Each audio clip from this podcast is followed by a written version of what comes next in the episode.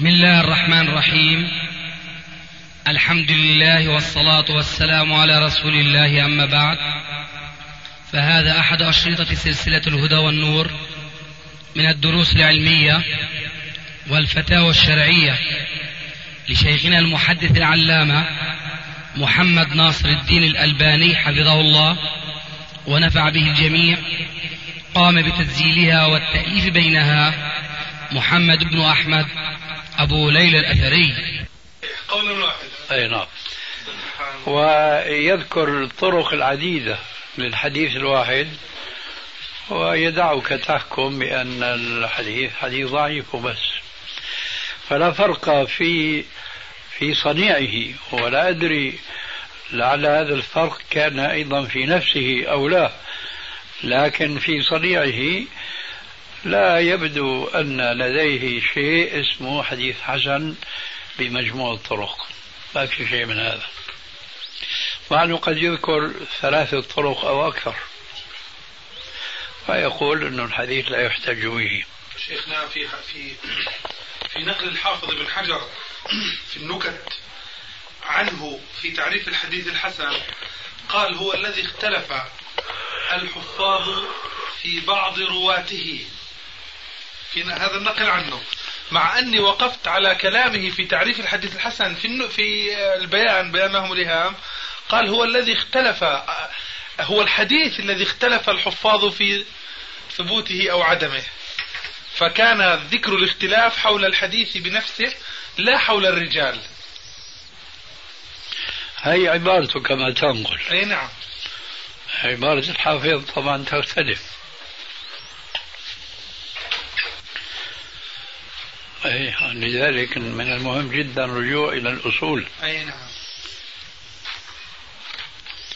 كيف حالكم؟ الله يبارك فيك إن شاء الله بخير. الأخ من زمان شفناه وبعدين ماذا شفناه؟ سيدي.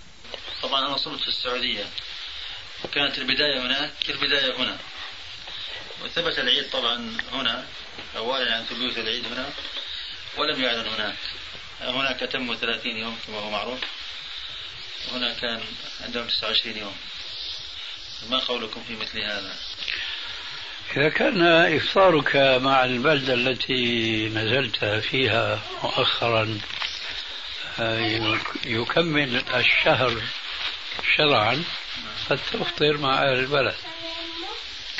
وقد فعلت. نعم. ما دام الصيام كان دخولا واحدا فالخروج لا يختلف فيما إذا كان الخروج أتم ثلاثين يوما.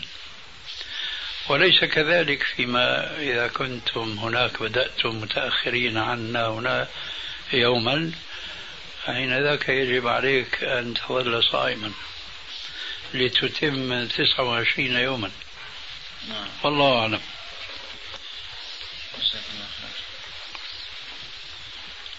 شيخنا قضية آه، تعليق اليمين بالطلاق. علي الطلاق لا. إذا فعلت كذا. أو كذا. تقصد العكس. تعليق الطلاق باليمين. هو. نعم. فهل الحكم نفسه ال- المستدل أو ال- يعني المعروف في في هذا الحلف يجري على الحكم في مسألة أنت علي مثلا مثل ابنتي أو مثل أختي أو كذا؟ لو قال لو علق هذا القول بيمين. ما لم يقل أنت كظهر أمي علي نعم. فهو فالجواب نعم.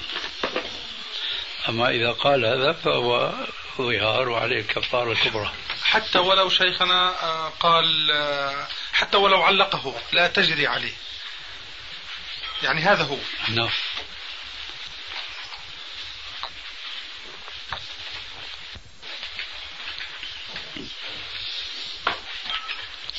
هون مالك عذر هلا معي يلا. بس ليش ما بدأت هون يعني لا لا لا. ابدأ باليمين. أخذت؟ مداره يبدو حول التلاعب بغدة في التعريفات في النقول أو شيء من هذا. هذا سجل يعني طبع. كان الإخراج الأخير يبدو. خرج في الرسالة. من أبو غدة ولا من أخونا؟ لا من أخينا على أبي غدة مم. نعم. بسم الله. ها أبو الحارث. تهم بشيء من الخير. والله. أنا أي لا. أنا ذكرت شيخنا لأخينا أبي صهيب وقد ذكر لي هذه الفائدة قبل مجيئكم. فذكرت له شيئا متعلقا بالشيخ بكر أبو زيد. نعم. له كتاب الآن ذكره لي آه، سماه تحريف أهل الأهواء. الله أكبر. جمع فيه حوالي خمسا أو ستا خمسة أو ستة من تحريفات أبي غدة ثم الكوثري ثم الغماري ثم الصابوني. هؤلاء يعني المعروفين في هذا العصر آه، جمع شيئا من تحريفاتهم المتعمدة ال- يعني الواضح آه، فيها كذبهم. ثم يعني الله سيفردها في رسالة تكون في ستين صفحة تقريبا. ذكر لي شيئا منها أيضا ذكرته الأخ أبو صهيب وهو كلمة لأبي غدة آه، ذكرها في رسالته فتنة خلق القرآن وأثرها في الرواة اللي كتب رد عليها التويجري فبيقول أبو غدة وقال الذهبي في محمد بن إسماعيل البخاري آه، كاذب أو كذاب؟ كاذب أو كذاب يعني ذكر لعله كاذب أو كذاب أو كذبوه شيء من هذا. هذا نقل أبو غدة. قال مع إنه كلام البخاري في الموطن نفسه آه، كلام الذهبي في الموطن نفسه قال وليس هو صاحب الصحيح. الله قال هذه مبتورة. أعوذ بالله. نسأل الله العافية. فهؤلاء يعني سبحان الله العظيم. شيء بخوف الله المستعان.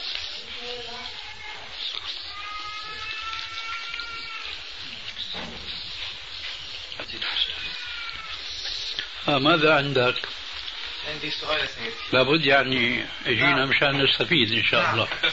لا أنا جاي عشان أت... يعني أتشرف بمعرفتك الحقيقة مع الإخوان. شرفك الله. السؤال اللي في ذهني ذكرني فيه الشيخ أبو عدي.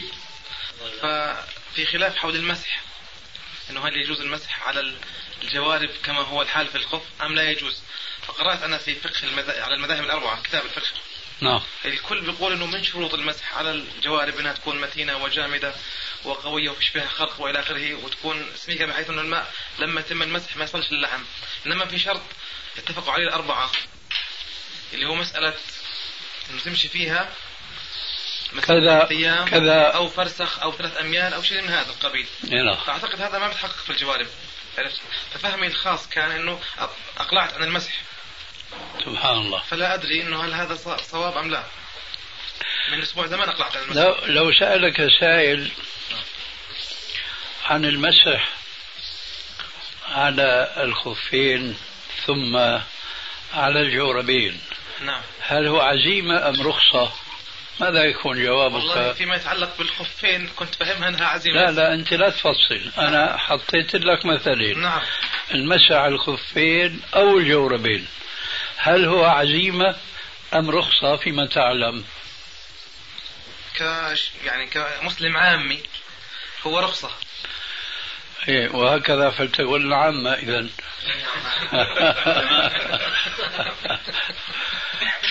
طيب. ف هل الرخصة نعم. في علمك؟ نعم. وأرجو أن تكون ناجحا في الجواب عن السؤال الثاني نعم. كما كنت ناجحا في جوابك عن السؤال الأول. نعم. هل الرخص عادة يشترط فيها من الشروط ما يشترط في العزائم؟ بالتأكيد لا لأنها أقل مرتبة. هاي لأنه كمان إن الله لا يح- هي- يحب أن تؤتى رخصه كما يحب أن تؤتى عزائمه. هي مرحلة أخرى. الحمد لله الحمد لله. جميل. لكني رأيتك أنك يعني حرمت نفسك هذه الرخصة بسبب تلك الشروط والقيود. فهل هذه الشروط والقيود تتناسب مع كون المسح آه، رخصة؟ والله هو حرماني لنفسي من باب واحد إنه عندي الوقت. لست في ضائقة من الوقت يعني. عندي متسع من الوقت إني مثلا الآن حب حتة وما نحب لك الحيدة. نعم. حتة حتة. نعم، وما نعم. نحب لك الحيدة بارك الله فيكم. آه. عنا كل الجزاء لأن الرخص لا يشترط فيها أن يكون متفرغا. نعم. يعني الآن لما الإنسان بيكون في السفر عنده عزيمة وعنده رخصة. نعم. العزيمة القصر الرخصة الجمع. عنده وقت وعنده فراغ. بحيث أنه يستطيع أن لا يجمع. نعم. لكن مع ذلك جمع. هل عليه من ضير؟ ابدا. إذا أنت لماذا تضرب الأمثال وتقول أنه وجدت في نفسي فراغ؟ وجود الفراغ لا ينافي تعاطي الرخصة. لعله وضح لك. نعم يا سيدي. إذا آه، كان عندي لبس أنا في مسألة الخف. الخف ما فيش فيه عليه خلاف. ومسألة الجورب وأنا ما أحكي عن الخف والجورب بعامة نعم. فإذا ما عجبك حشري مع الجورب الخف فاضرب عليه بخف وتمسك بالبحث في الجورب نعم. الكلام كله نعم. يدور على الخف وعلى الجورب نعم. فإن ظننت ولا أقول إذا ظننت أن هناك فرقا بين الخف والجورب ها؟ نضرب على الخوف بخوف كما قلنا. ونعود ونحصر الكلام في ماذا؟ في الجورب نعم. فلماذا الآن أعرضت عن رخصة الله التي ذكرت الحديث فيها؟ لأنه ما هو السبب بالضبط نعم يا الآن سيدي. الطرف الآخر اللي كان في النقاش يعني متعمق في الدين يمكن أكثر مني شوية فقال لي إنه ما وردش اطلاقا كلمة جورب في حياة الصحابة ولا التابعين ولا تابعي التابعين. فأقنعني بهاي يعني من باب إنه هو أعلم مني. مسألة إنه ما وردش كلمة جورب اللي ورد فوق خف فقط. آه كلاكما مخطئ. هل هل أنكر وهل يوافق؟ نعم. هو مخطئ لأنه قد ثبت عن السلف وأعني بهم نعم. أول السلف وهم الصحابة وبخاصة أنس بن مالك. ثم عمر بن الخطاب وغيرهم أنهم كانوا يمسحون على الجوربين. وعن الحسن البصري التابعي الجليل أنه قال وهو جواب لرد بعض الشروط التي قرأتها في ذاك الكتاب أو في غيره ما كانت جوارب الأنصار إلا مخرقة. فإذا إنكار كون المسح على الجوارب ما جاء هذا أمر مستنكر سواء صدر منك أو من غيرك لأن هذا معروف. وبعد هذا أقول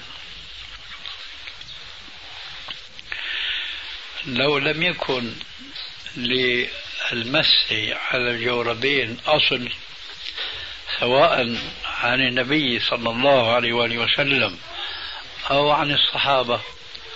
ما اتفق العلماء على شرعية المسح على الجوربين كما اتفقوا على شرعية المسح على الخفين وإن اختلفوا في الشروط في المسح على كل من الخفين أو الجوربين وقد جاء في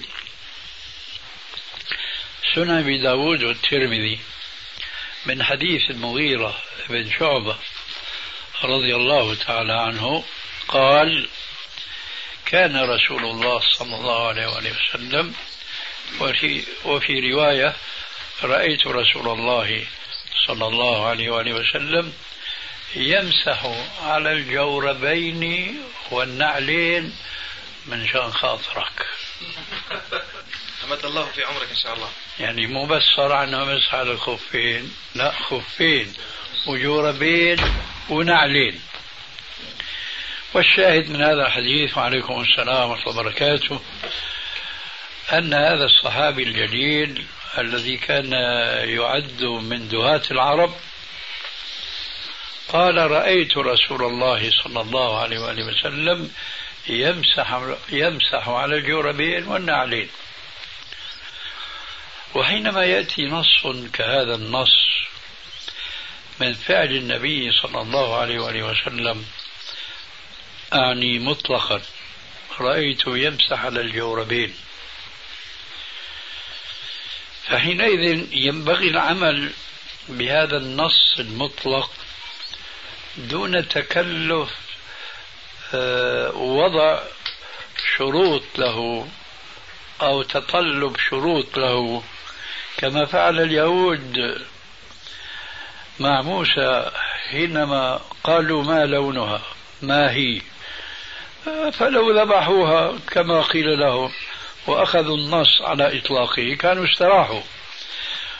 لكن تنطعوا فهلكوا وأتعبوا أنفسهم. ولذلك قال عليه السلام هلك المتنطعون هلك المتنطعون.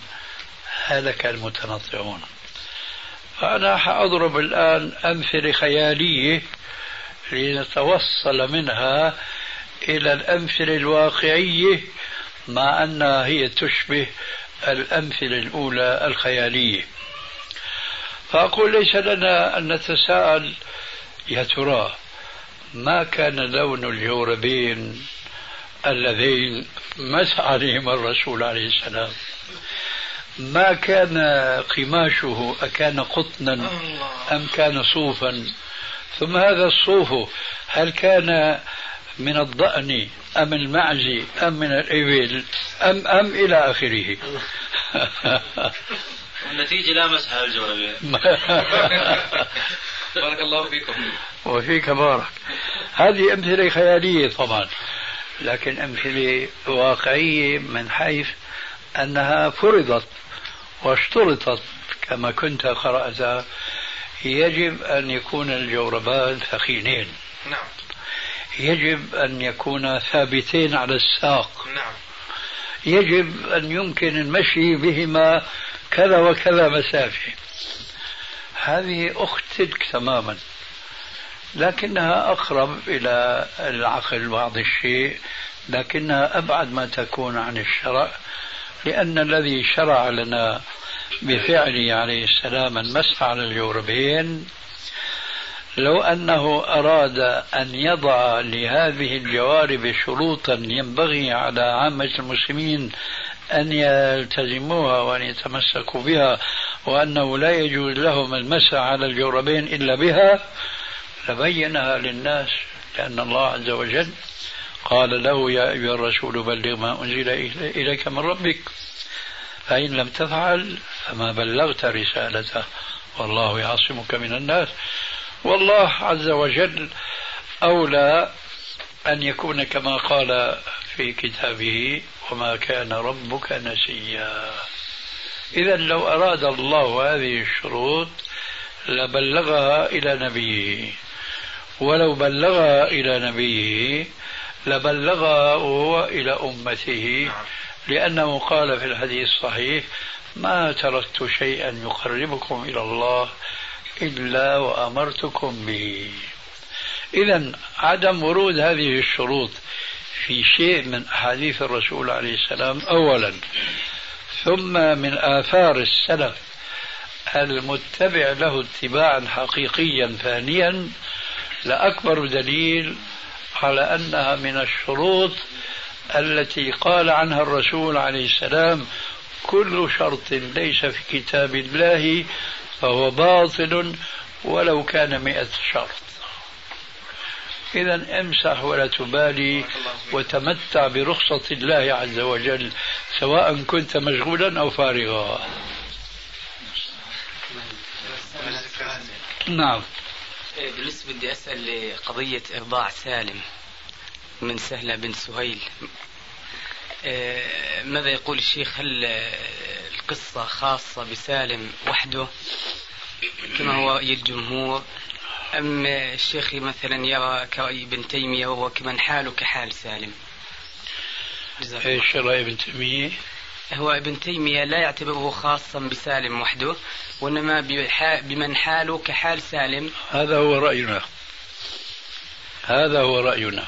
يعني الذي مثلا يعني كيف نضرب مثال واقعي؟ أنا ضربت أمثلة لبعض في المستوطنين في فرنسا. نحن نتصور عائلة فرنسية مثلا. كانت تعيش في كفرها وفي ضلالها. جزاك الله خير.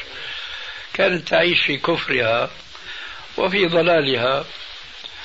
آه، أخوان شقيقان أحدهما متزوج والآخر لا يزال أعلم.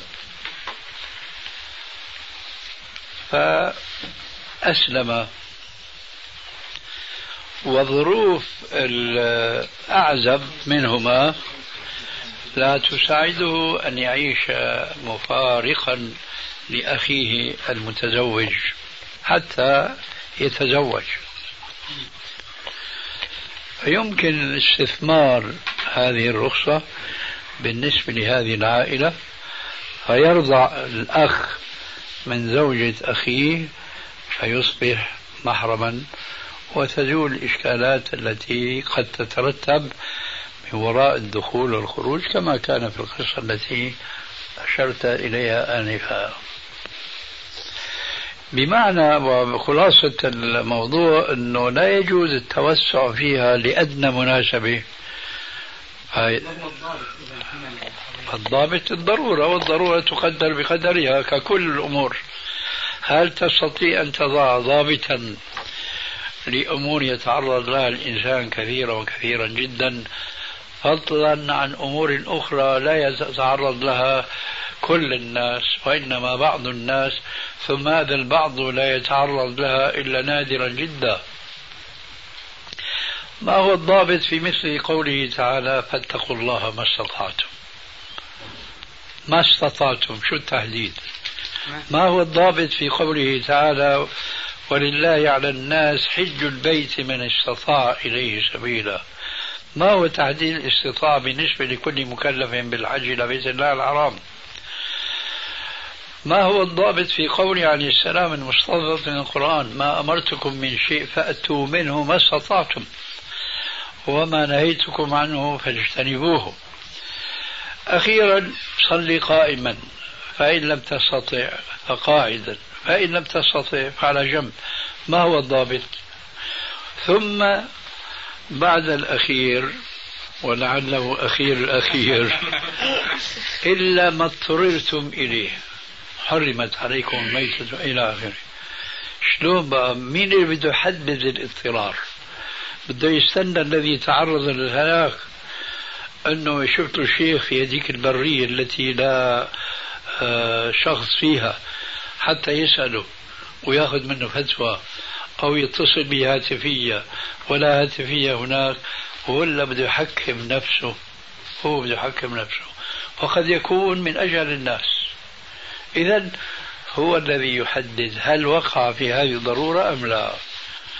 وهكذا المسألة التي كنا فيها. سؤال آخر أستاذنا. نعم. يعني بماذا تعلل آه، العلماء القدامى زي الذهبي أو ابن الجوزي؟ وهم معروف إنهم في قضايا الرجال والحديث من المتشددين. تجد الذهبي لما يضع أحاديث مثل كتاب الكبائر أو ابن الجوزي في بعض الكتابات تجد إنهم يكثرون من الأحاديث الضعيفة وأحيانا الموضوعه وهم يعني معروفين بباعهم الطويل. فما يعني ما هو السبب؟ السبب أخي بسيط جدا. وهو أن تتصور معي نشأة العالم. هل ولد عالما؟ تقول لا نعم. طيب هل قفز إلى أن صار عالما؟ لا. ستقول لا إذا فكل إنسان يمر في مراحل في العلم أو يتقدم إلى العلم ويموت ويذكرنا بقول الزمخشري رحمه الله ما للتراب وللعلوم وإنما يسعى ليعلم أنه لا يعلم. يسعى ليعلم أنه لا يعلم. فمع ذلك فليس طالب العلم في ابتداء طلبه للعلم كهو في آخر نهايته لطلب العلم أي بموته. لأن هذا الطلب ليس له نهاية. وهذا شيء نعرفه في أنفسنا. ولذلك فالذهبي أو ابن الجوزي أو غيرهما هن وصلوا في مرحلة من العلم الأخذ مما هب ودب أو الاقتناع برأي شائع دون هض دون القناعة العلمية القائمة على البراهين الجلية. ثم مع الزمن يرقى ويرقى. فيختلف تأليفه الأخير عن تأليفه الأول والثاني وما بعده. لذلك قال الحافظ ابن حجر العسقلاني وهو يعني ممن يحق لنا أن نقول لم تلد النساء مثله في علم الحديث. قال لست أرضى عن كتاب ألفته إلا فتى الباري. لماذا؟ لأنه كان يعني يستدرك بنفسه على نفسه فضلا عن استدراك غيره عليه. وهذا سنة الله في خلقه ولن تجد لسنة الله تبديلا. وأنا شخصيا كرجل يعني معروف في طلبه لهذا العلم. أنا عندي كتاب كثير من إخواننا الحاضرين يعرفونه شخصيا وبعضهم يعرفه سماعا ألا وهو الروض النظير في ترتيب وتخريج معجم الطبراني الصغير. مجلدان عندي. فيهما ألف حديث وزيادة.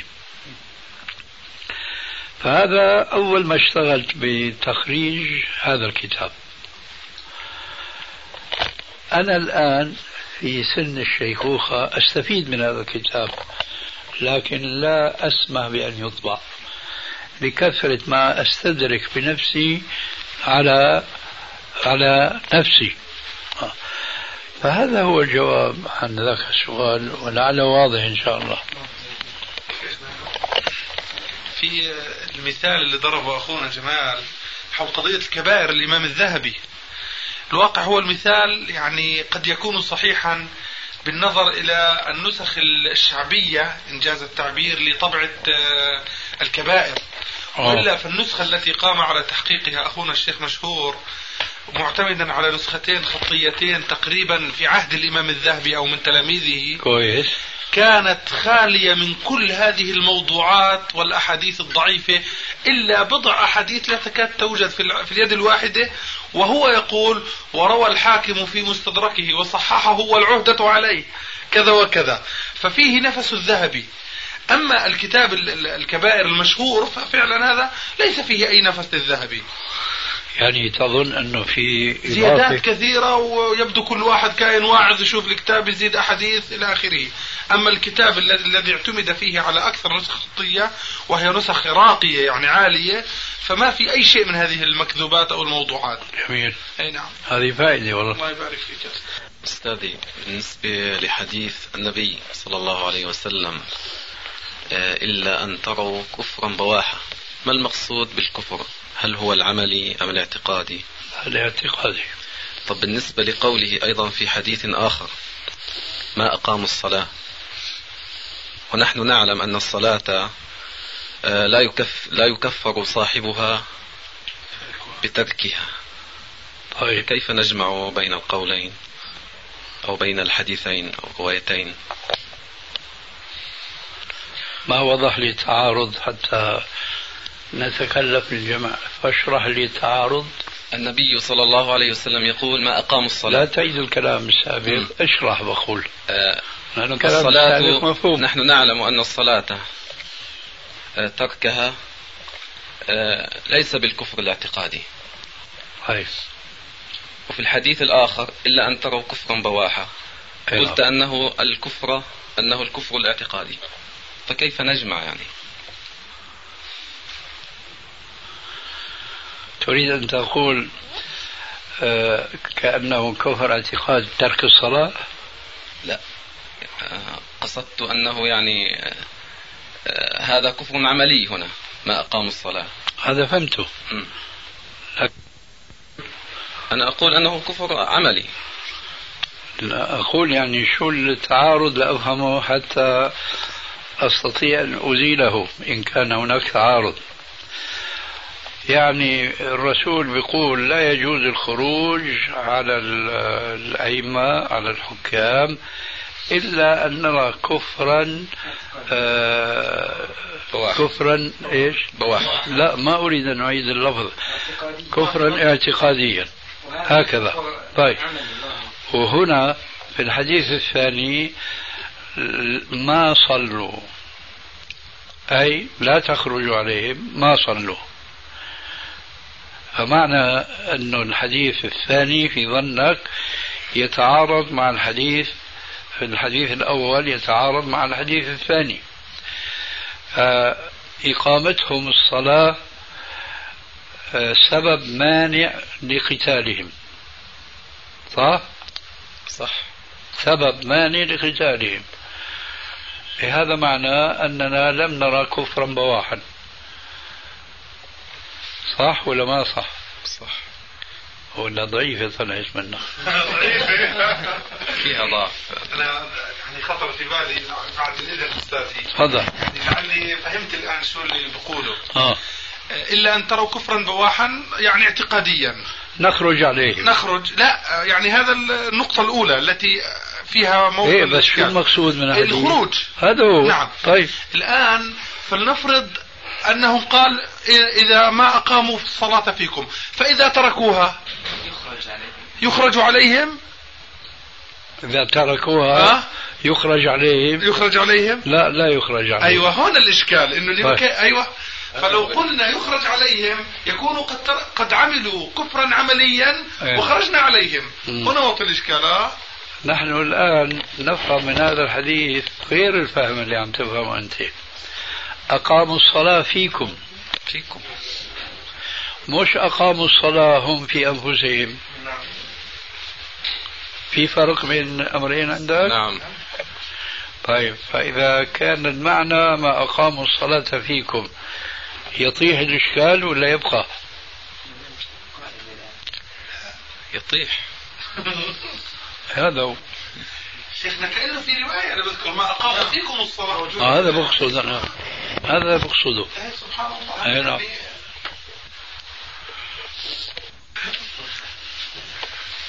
أستاذنا سؤال آخر إذا سمحت. قضية أهل الفترة. يعني هل يمكن أن نعرف تحديد من, من هم أهل الفترة؟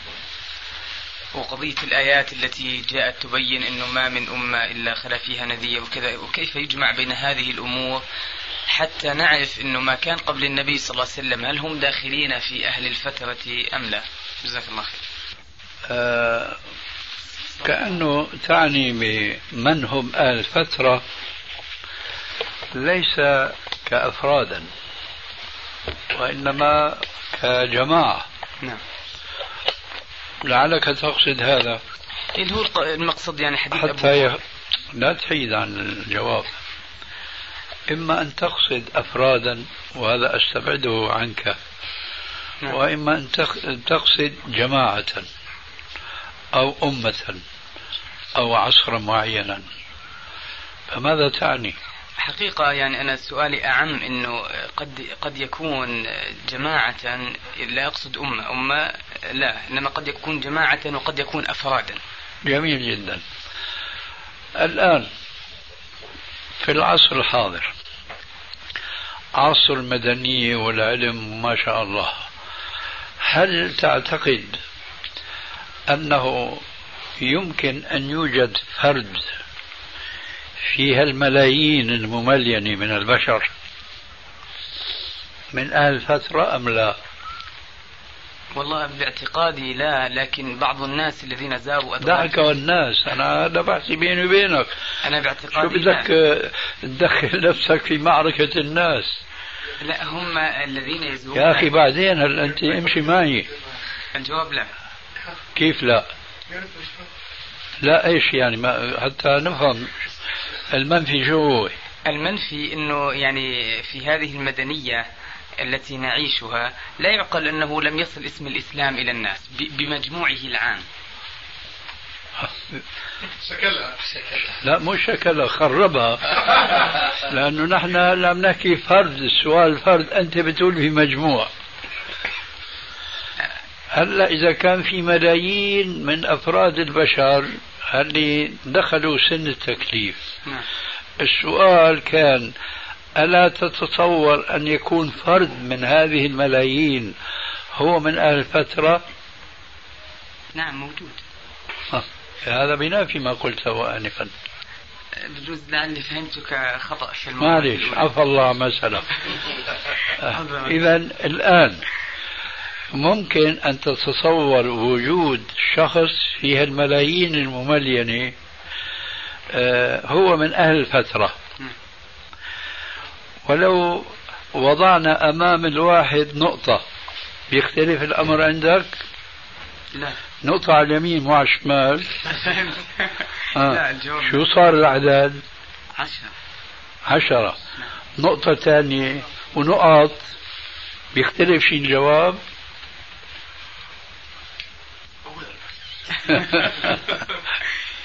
حقيقة أنا الإشكال اللي أستاذي عندنا لا الكلام إلي مش إلك ما هو أنت بتجو آه شو بدي؟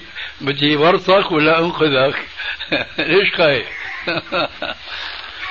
معلش نحن من عاداتنا في سوريا كلمة طيبة اللي ما بيجي معك تعال معه فأنا شايفك ما مشيت معي أنا كلي معك. رح أمشي معك رح نرجع للشخص الأول هل يسهل عليك الجواب أنه يمكن يكون هذا موجود؟ نعم. ليش؟ يعني السبب عدم وصوله وصول الدعوة له. السلام. لا أنا السبب أطلبه منك. فهو قد يكون تقصير منه. لا لا لا تدخل في تفاصيل يا أخي. عرفت ما هو السؤال الثاني؟ اللي هو سبب عدم يعني سبب كونه من أهل الفترة. أيوة. هو السبب عدم وصول الدعوة له كويس. هذا السبب يمكن أن يتكرر؟ الجواب نعم. إذا ممكن نحط نقطة أمام الواحد نعم. تصير عشرة. نعم. ونقط نعم. مع أنه أنا لا أزال عند موقفي بس يعني تغيير العبارة. هذا في عصرنا. عصر ليش خصصت عصرنا؟ عصر لوجود الوسائل هذه المقربة للبعيد نعم. التي كادت أن تجعل الكرة الأرضية كلها كقرية صغيرة. بسبب الوسائل التي خلقها الله وذللها للبشر. فما رأيك قبل عصر العلم والثقافة وإلى آخره؟ لنعد إلى عصر الجاهلية الأولى. يمكن أن يكون هناك مثل هؤلاء الأشخاص قطع الذين لم تبلغهم الدعوة. نعم. كويس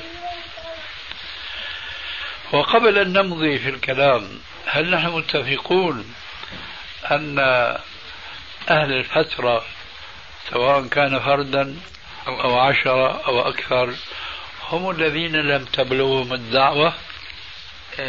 هل نحن متفقون على هذا؟ لكن أريد يعني أن أجعل السؤال أعم. هل الدعوة المقصود بها الله يحفظنا بقى من كلمة لكن هي. آه، يعني هل دعوة نبي قبلنا تصدق عليه أم لابد من دعوة النبي صلى الله عليه وسلم حتى نعتبره أهل فترة أنت رجعت إلى العصر الحاضر. لا لا لا مثلا حتى نشمل في سؤالنا ما كان قبل النبي لما ذكرتنا في الجاهلية الآن. أنا قبل النبي. الجاهلية. نعم هو قبل شو. علاقة الجاهلية بالنبي؟ النبي جاء بعد الجاهلية. أي نعم قبل. نعم صدقت. طيب شو الجواب الآن؟ أعيد السؤال. إذا رجعنا قبل بعثة الرسول عليه السلام يمكن أنه يكون هناك أهل فترة؟ نعم. يمكن. وهكذا دواليك. هكذا دواليك ترجع لورا يعني. نعم. هيك إلى عهد آدم عليه السلام. نحن نتصور بوضوح أنه آدم عليه السلام كان نبيا لأولاده ولما تكثر وتتناسل أولاده بحيث أنه تصور أنه يمكن يكون هناك فرد أو أكثر من فرد ما بلغته دعوة آدم عليه السلام. لكن كل ما تأخر الزمن كلما تكاثر نسل بني آدم. صح؟ نعم. طيب. إذا الآن أنا فيما أظن أو يخيل إلي أنني أجبتك عن سؤالك. بطريقة السؤال والجواب. نعم بس آه، يعني يرد آه، سؤال في ذهني. أثقلت نعم. عليك أستاذي.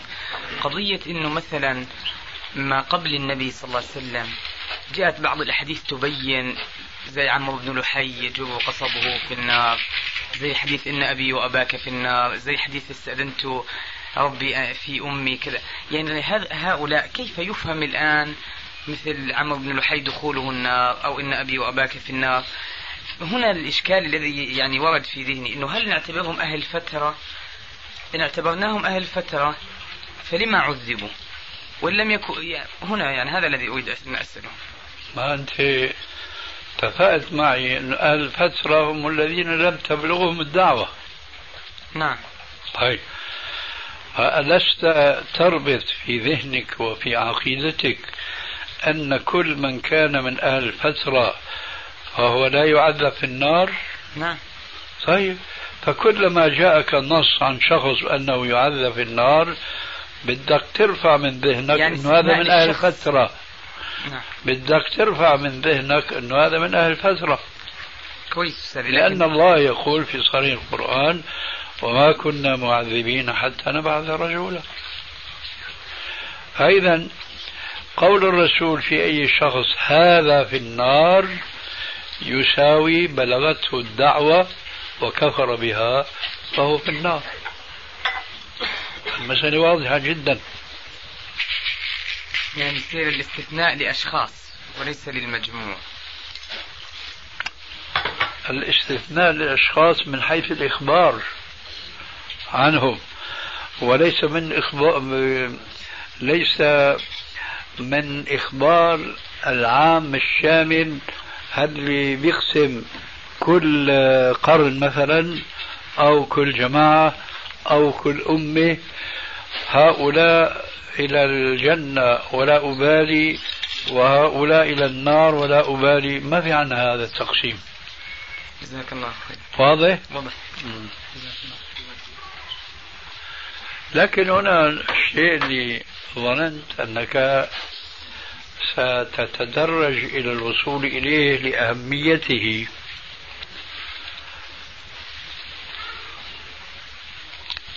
يمكن نحن الآن أن نتصور ناسا بلغتهم الدعوة الإسلامية ومع ذلك فأنا أقول ما بلغتهم الدعوة الإسلامية. ومعنى هذا الكلام أنه ينبغي أن نستحضر في أذهاننا أن كل فرد أو كل طائفة أو جماعة لا نستطيع أن نقول إنهم بلغتهم الدعوة إلا إذا بلغتهم صافية غضة طرية كما أنزلت. وهذا من الصعب في مكان لأنك تعلم اليوم أن هناك طوائف يدعون الإسلام ويدعون إلى الإسلام. وهم إما بريئون من الإسلام براءة الذئب من ابن يعقوب كما يقال في المثل العربي القديم أو أنهم ضلوا ضلالا بعيدا عن قسم كبير من الإسلام وإن كانوا لا يزالون محسوبين في دائرة الإسلام. آه، أضل هذه الطوائف هم البهائيون. ثم يأتي من بعدهم القاديانيون. القاديانيون أشد ضررا على المجتمع مجتمع أمة الدعوة كما يقول العلماء ولا أريد المجتمع الإسلامي.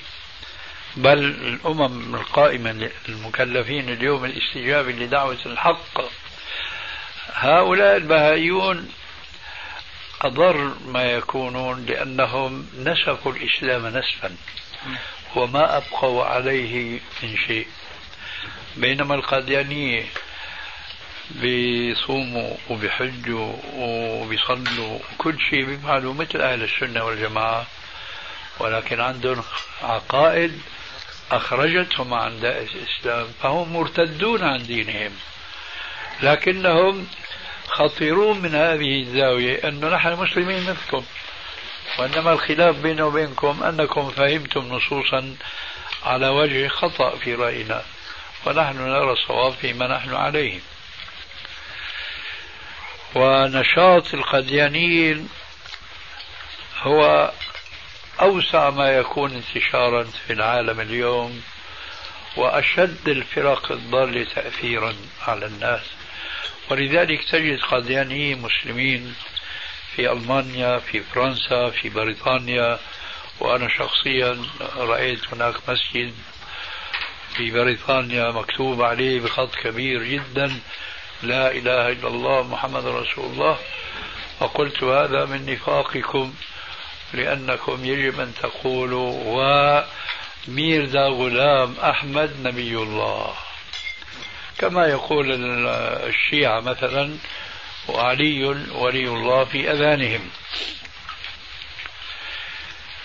فهؤلاء الذين تقدينوا إذا صح التعبير هؤلاء ما نستطيع أن نقول بلغتهم دعوة الإسلام. بل هم لا يزالون من أهل الفترة لأنهم ما بلغتهم دعوة الإسلام على وجه صحيح. ولهذا أنا أذكر جيدا حينما انتدبنا للتدريس في جامعتكم ولما تفتح أبوابها للتدريس كنا في سهرة كهذه السهرة بحضر جماعة من أساتذة الجامعة فأثيرت هذه النقطة فادعى بعضهم عجبا. قال لا يا أخي الإسلام بلغ المشرق والمغرب. هاي كل يوم صباح مساء في إذاعة قرآن الكريم قلت له يا شيخ هذا القرآن الكريم الذي نزل بلسان عربي مبين أهل العروبة الآن ومدعو العروبة لا يفقهون كثيرا من كلام القرآن الكريم. فماذا نقول عن العاجم الذين يسمعون هذه الإذاعات آه، لتلاوة القرآن ولا يكادون يفقهون منه شيئا. هذا ليس معنى أنه بلغتهم الدعوة. ولذلك فيجب ملاحظة هذا القيد فإنه ضروري جدا. جزاك الله. وإياكم. بحب أستمع إلى أحاديثك يعني. وغيرك كمان بيحب يستمع من احاديثك كنت اليوم أنا والشيخ آه، محمد أبو عدي جالسين في جلسة. فحسب علمي إنه في سلاسل بول اليوم سمعت سلاسل ريح فلم ما قبل هاي المرة ما سمعت هاي الكلمة. فقلت أسأل ما المعني بسلاسل الريح إن وجدت هاي الكلمة؟ هذا مرض من جملة الأمراض وقد يكون مرضا حقيقيا وقد يكون مرضا وهميا.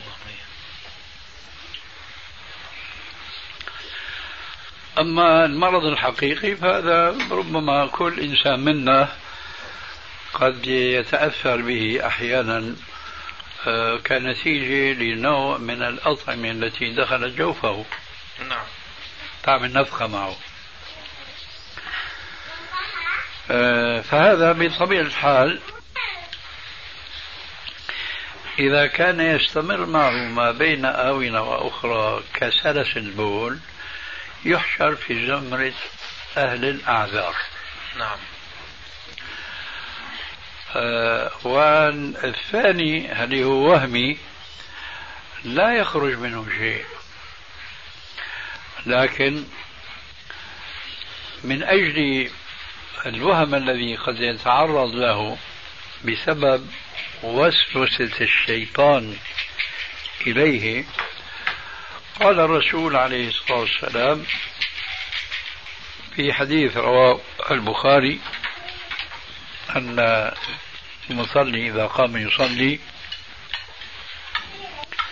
جاء الشيطان فوسوس إليه. فيأخذ شعرة من دبره فيشدها. يوهمه أنه قد خرج منه شيء. قال عليه السلام نصيحة وتعليما لأمته فلا ينصرفن حتى يجد ريحا أو يسمع صوتا. هذا وهم أما ذاك حقيقة. ولذلك ينبغي على المسلم أن يراعي نفسه وأن ينتبه هل حقيقة بسبب تأثره ببعض المأكولات صار يخرج منه هذا الريح فحينئذ ينبغي إن كان كثيرا كما ذكرنا مثل من كان معه سلسبول فعليه أن لا يصلي إلا بعد أن يتوضأ لكل صلاة. وإن كانت الأخرى وهذا يقع كثيرا لبعض الناس فيدفع وسوسة الشيطان من باله ولا ينصرف من صلاته. بل أنا أقول ولا يحكم ببطلان وضوئه إلا إن وجد ريحا أو سمع صوتا. هذا هو الجواب.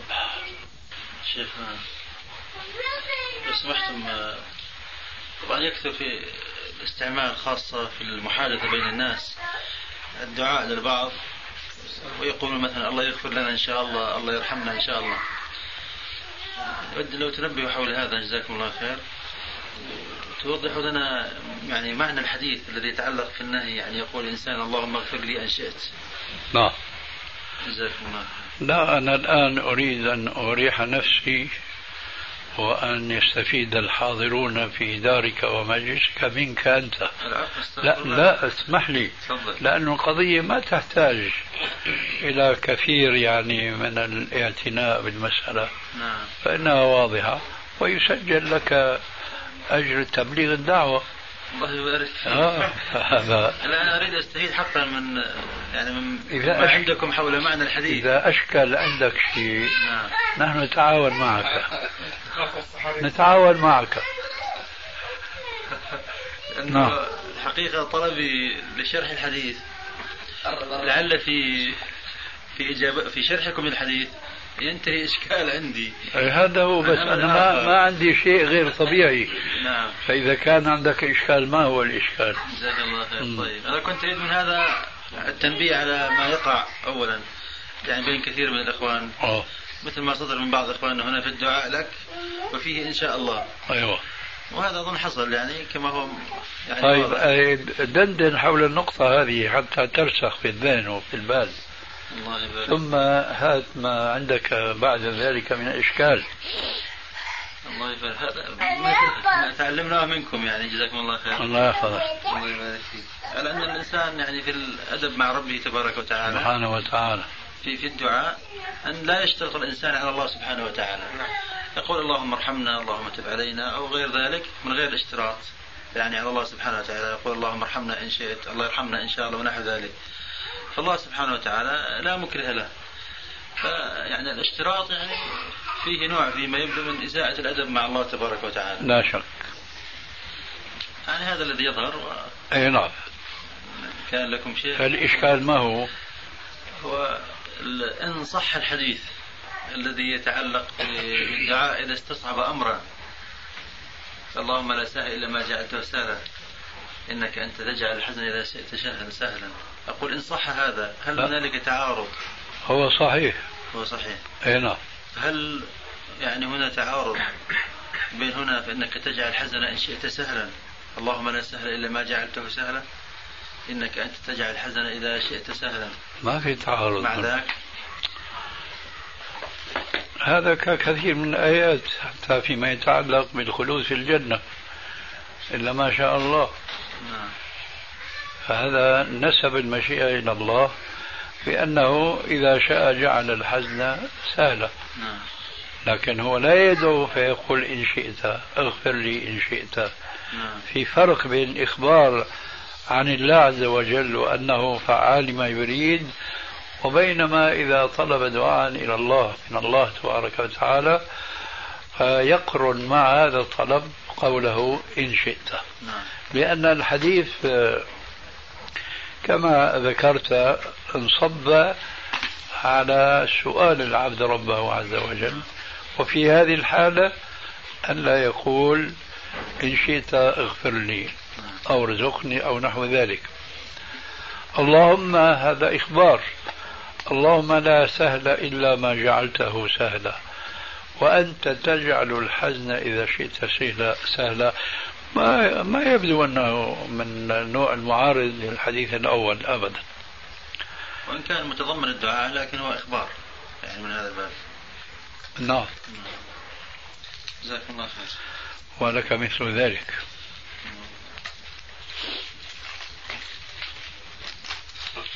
شيخ ترون طواف الوداع لغير الحاج؟ لا لا ترونه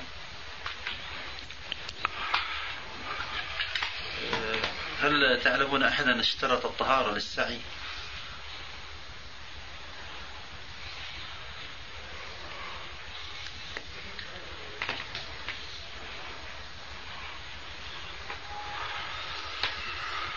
ما أذكر الآن كمذاهب لكن الحديث في ذلك يكفي. وهو اصنعي ما يصنع الحاج غير أن لا تطوفي ولا تصلي. نعم. والسعي يطلق عليه طواف؟ هكذا أراه.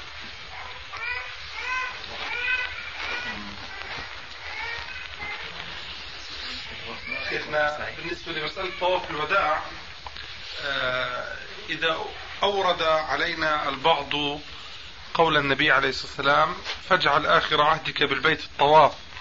فالجواب عليه يكون بالقاعدة التي تذكروننا بها دائما وهي قضية فهم السلف وتطبيقهم لهذا العموم. ثم شيء آخر وهو أن هذا الحديث قد ورد في ذكر الحج دون العمرة. أم أن هناك شيئا آخر؟ لا هو بالنسبة للسلف وارد هنا لأنه ليس من المعهود كل من اعتمر أن يجعل آخر عهده في بيت الطواف. نعم. أما النص عن الرسول عليه السلام فليس إلا خاصا بالحج ليس لفظا وإنما بعبارة أنه ليكن عهد أحدكم بالبيت الطواف لأنه مثل هذا الخطاب يكون عادة في ذكر الحج. في الحج. نعم. وقد جاء في رواية ذكر العمرة مع الحج. وكان لو صح هذا كان يكون دليلا قاضيا على الخلاف في المسألة. لكن زيادة الحج العمرة مع الحج في هذا الحديث زيادة منكرة ولذلك ذكرت الحديث بهذه الزيادة في ضعيف الجامع الصغير. جزاك الله خير يا أستاذ. وإياك. يا الله يا كريم.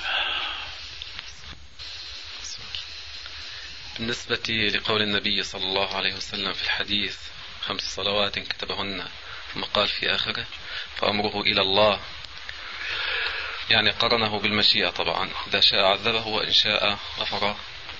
له آه قد يقول البعض بأن هذا مثل قول آه عيسى بن مريم لربه عز وجل. إن تعذبهم فإنهم عبادك وإن تغفر لهم فإنك أنت العزيز الحكيم. فما يعني الجواب على هذا الإشكال؟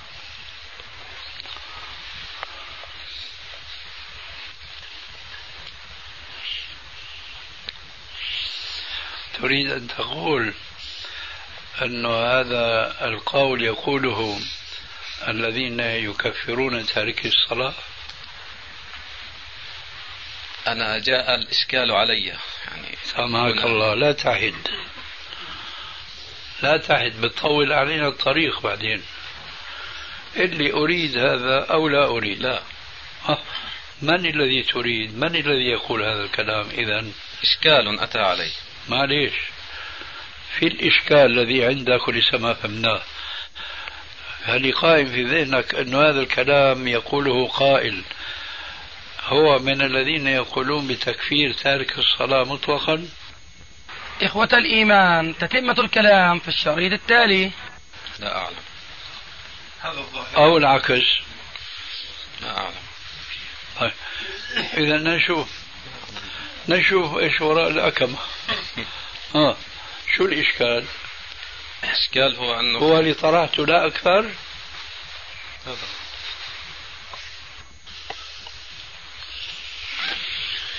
طيب أوضح لنا الإشكال. شو الشبه بين الآية التي حكاها الله عن عيسى وبين هذا الحديث الذي نطق به رسول الله؟ إيه، الشبه بين الأمرين؟ إن شاء عذبه وإن شاء غفر له. إنهم فإنهم في الآية. يا أخي ما ما بنستفيد منك